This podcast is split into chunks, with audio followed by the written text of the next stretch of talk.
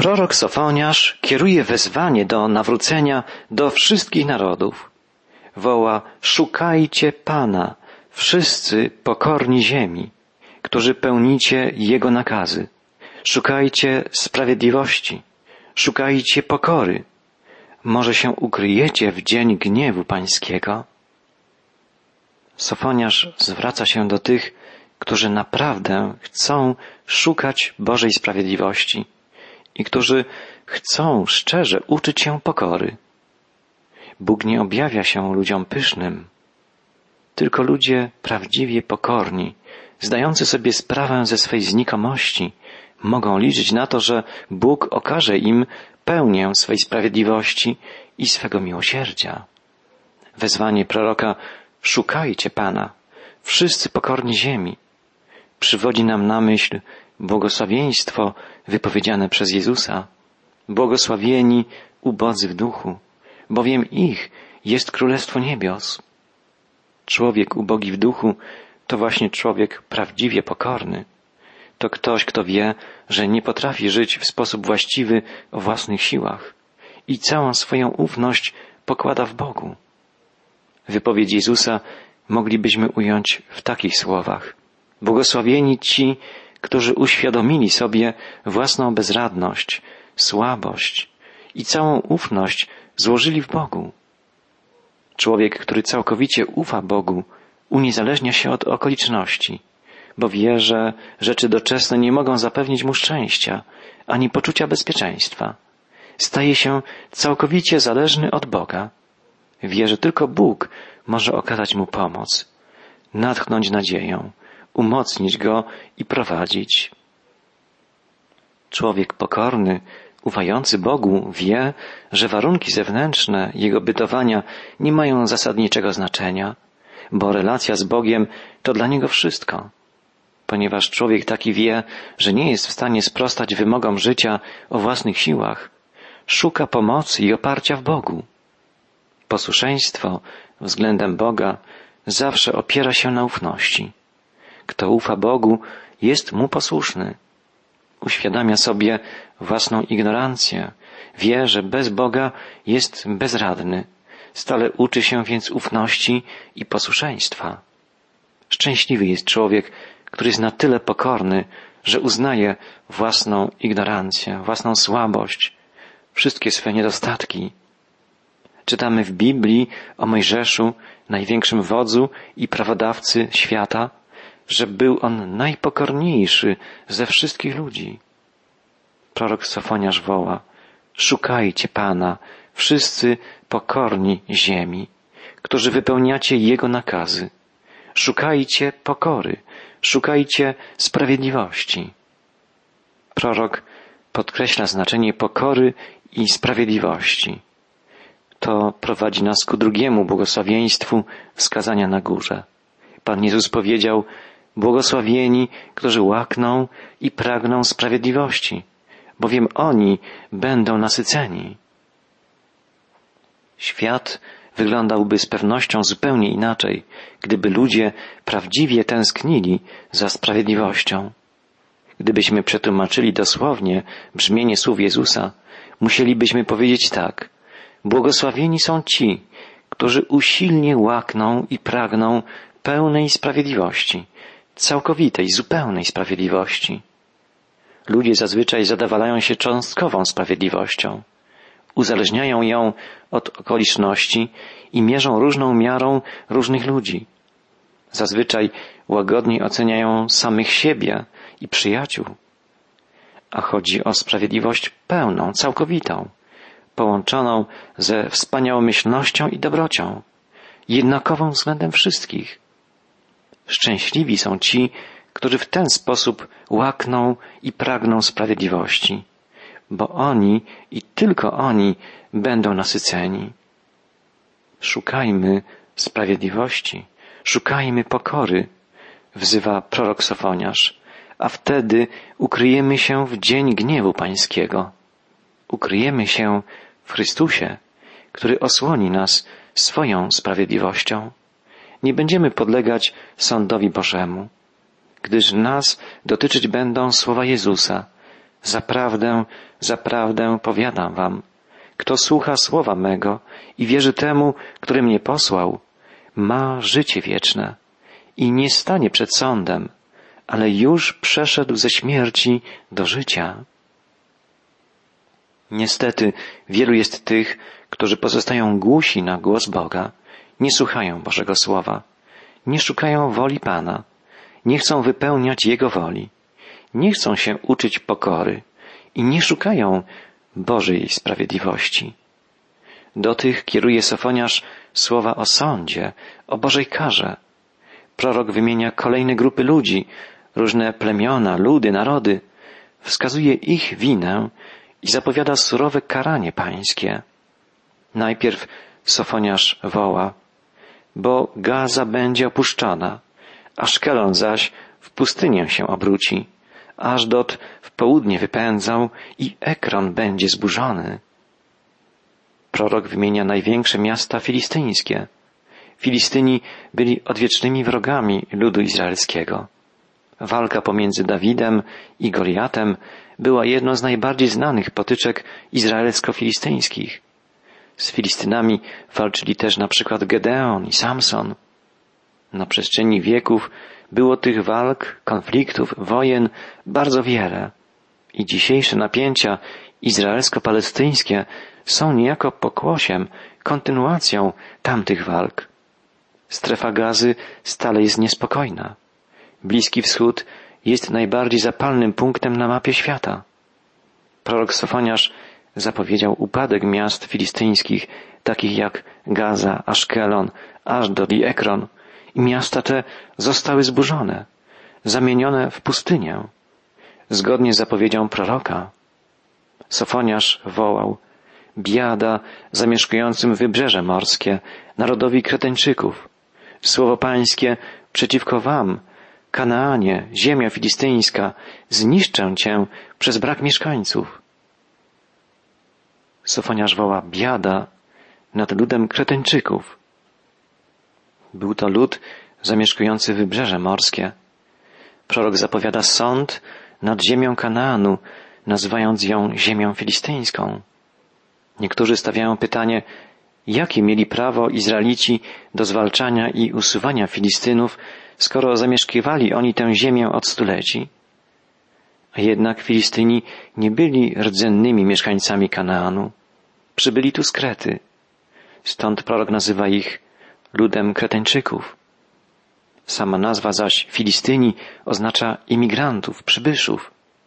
O wiele wcześniej w ziemi kananejskiej byli Abraham, Izaak, Jakub i ich potomkowie. I to im Bóg dał tę ziemię w posiadanie, na własność.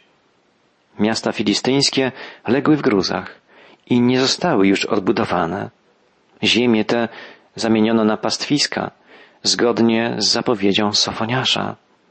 I będzie wybrzeże morskie pastwiskiem, legowiskiem pasterzy i miejscem na zagrody dla trzód. Będzie także pas morski dla reszty z domu Judy. Tam będą oni paśli swe stada. W domach Aszkelonu będą się wieczorem wylegiwali, bo nawiedzi ich Pan, Bóg ich i odmieni ich los.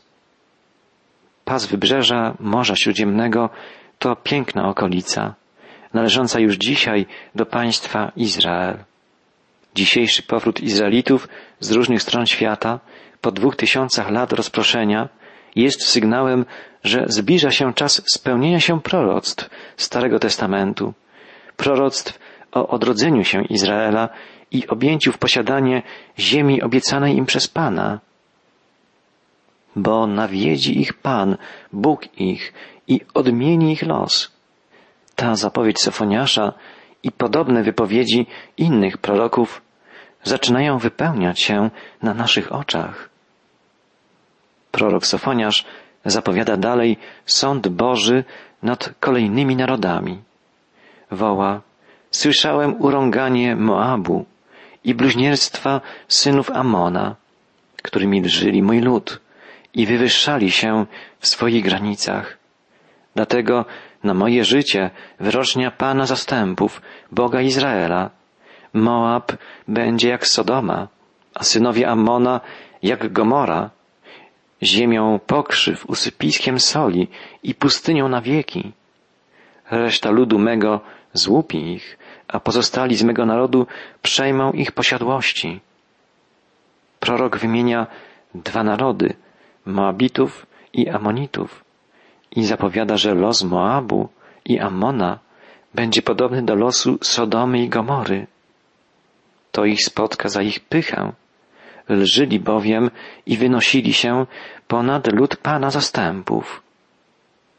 Przyczyną sądu Bożego nad Moabitami i Amonitami będzie ich pycha i wrogość wobec ludu przymierza, wobec narodu wybranego przez Boga. A przecież były to ludy spokrewnione z Izraelitami. Moabici wywodzili się od Lota, którego starsza córka upoiła winem i współżyła z nim. Tak narodził się protoplasta rodu Moab. Moabici stali się wrodzy Izraelitom. Pamiętamy, że król Moabu, Balak, wynajął proroka Bileama, by ten przeklął Izrael. Znamy też jednak z kart Pisma Świętego inną, piękną postać wywodzącą się z tego ludu. Moabitką była Rut, dzielna, piękna i bogobojna kobieta, którą pojął za żonę szlachetny Boaz. Z tego związku narodził się Obed, ojciec Jessego, który był ojcem Dawida. Rut była więc prababką wielkiego króla Izraela. Wiemy, że Dawid w czasie, gdy uciekał przed prześladującym go Saulem, ukrył swoich rodziców w ziemi Moabitów. Były więc także dobre, pozytywne akcenty we wspólnych dziejach Izraela i Moabu. Choć niestety więcej było konfliktów, wrogości, nienawiści. Moabici jako naród zniknęli ze sceny historii, ale współczesnymi Moabitami nazwać możemy w sensie przenośnym ludzi, którzy znajdują się w pobliżu kręgu ludzi wierzących, sympatyzują z Bożymi dziećmi, są niejako z nimi spokrewnieni, ale jednak do nich nie należą. Nie nawiązali bowiem osobistej, bezpośredniej relacji z żywym Bogiem. Bóg nie ma kuzynów czy wnuków, ma jedynie dzieci. Nic nikomu nie daje to, że jego rodzice czy rodzeństwo są ludźmi wierzącymi. Do Bożej rodziny należeć mogą bowiem tylko ci, którzy podejmują osobistą decyzję, że pragną żyć u boku Ojca, że chcą należeć do grona Bożych dzieci. Pamiętamy z dziejów apostolskich postać Festusa, rzymskiego prokonsula, który, słuchając słów apostoła Pawła, był prawie przekonany do jego nauki, zrozumiał sens Ewangelii, jednak nie podjął decyzji przyjęcia Chrystusa i uwolnienia apostoła Pawła. Był bliski Bożego Królestwa, słuchał największego w historii głosiciela Ewangelii, a jednak nie stał się Bożym dzieckiem. Dzisiaj wielu jest takich ludzi, którzy uczęszczają do kościoła, słuchają kaznodziei, misjonarzy, ewangelistów, ale nie decydują się na życie z Bogiem, nie przeżywają prawdziwego nawrócenia, nie wyznają szczerze swej grzeszności, nie doświadczają skruchy, pokuty i niestety nie rodzą się na nowo, nie stają się Bożymi dziećmi.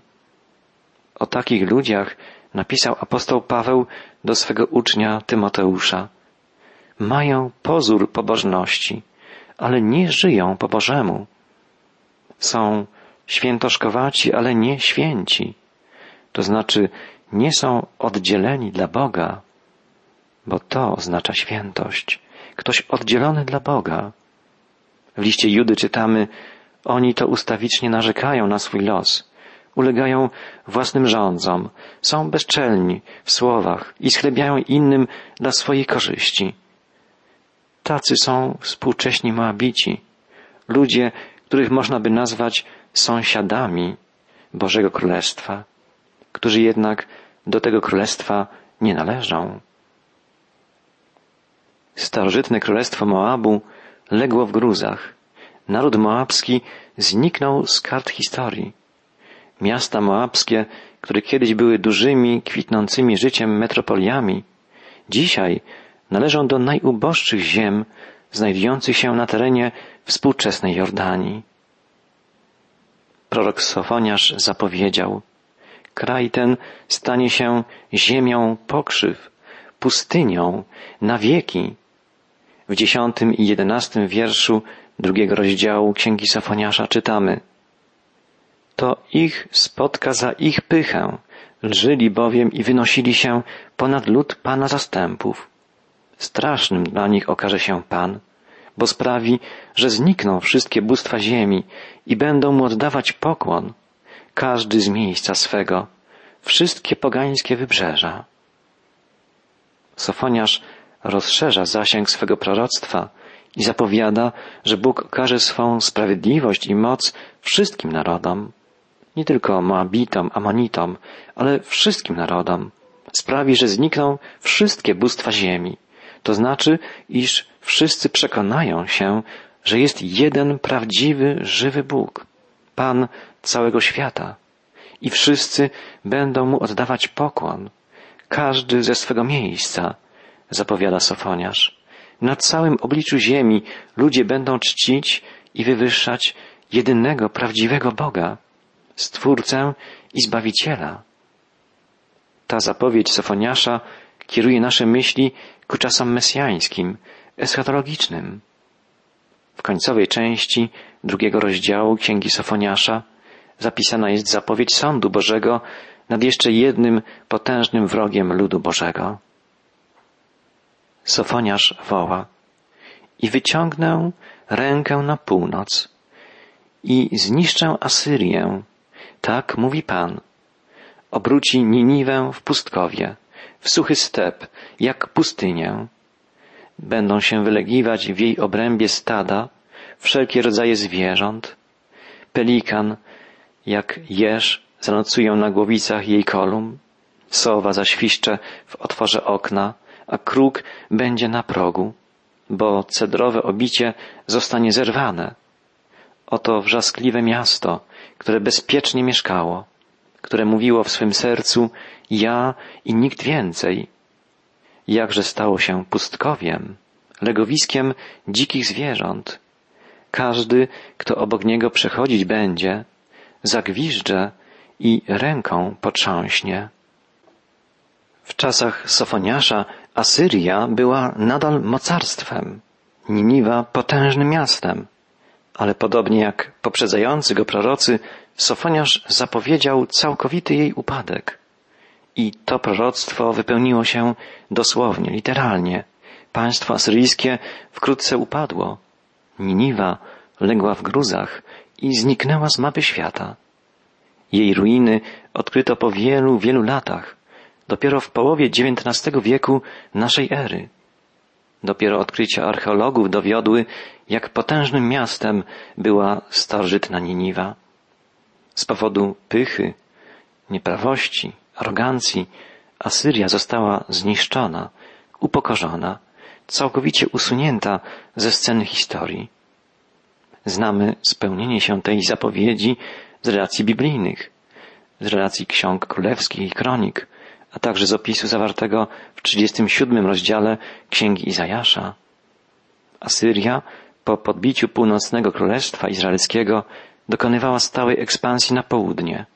Potężna armia asyryjska dotarła do Jerozolimy i przystąpiła do oblężenia miasta, ale Bóg, zapowiadając to wcześniej poprzez usta proroka Izajasza, zdziesiątkował wojska asyryjskie.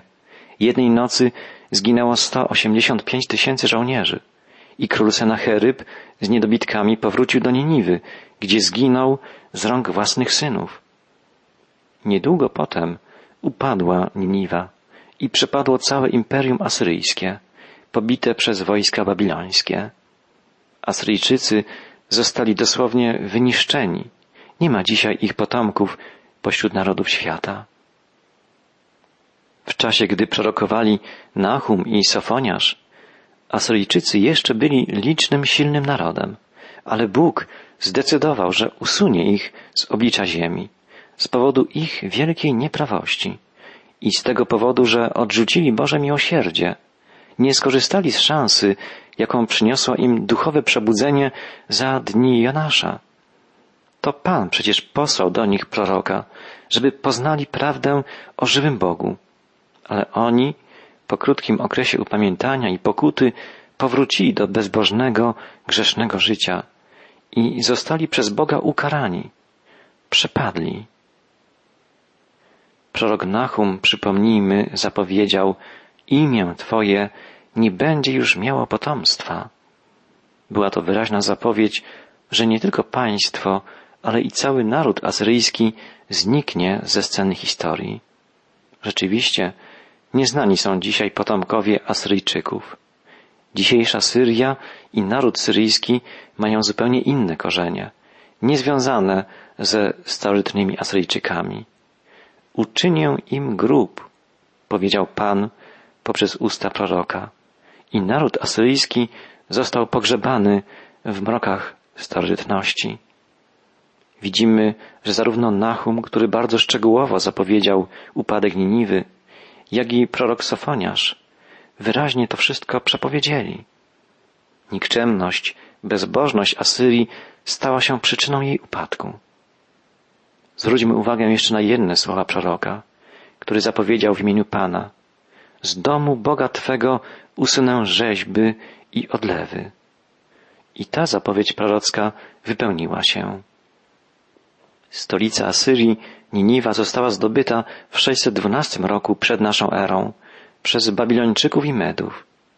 Medowie nie uznawali czczenia bóstw, posągów, obrazów. Zniszczyli więc wszystkie rzeźby, posągi, odlewy, których w Niniwie było bez liku. Bóg zapowiedział, usunę z domu Twego Boga rzeźby i odlewy. I tak się stało. Głównym bóstwem Asyrii był Aszur. Od jego imienia zresztą wywodziła się nazwa Asyria. Boży Sąd ujawnił, że Aszur to bóstwo fałszywe, że to tylko martwe posążki. Żałosna jest wiara w posągi, w rzeźby, w obrazy. One nie mają żadnej cudownej mocy. Moc ma jedynie żywy Bóg, Stwórca i Pan Wszechświata, Pan historii. Jemu musimy wierzyć, Jemu mamy okazywać miłość i posłuszeństwo. Względem Niego mamy być pokorni i mamy szukać Jego sprawiedliwości. O tym właśnie mówi prorok Sofoniarz. Pan sprawi, zgodnie z zapowiedzią Sofoniasza, że znikną wszystkie bóstwa ziemi, wszelkie fałszywe religie, a także wszelkie materialne bogactwa, wszelkie idee stracą znaczenie. Wszyscy wielbić będą jedynego prawdziwego Boga. Czyńmy to już dzisiaj, bo On godzien jest czci i chwały.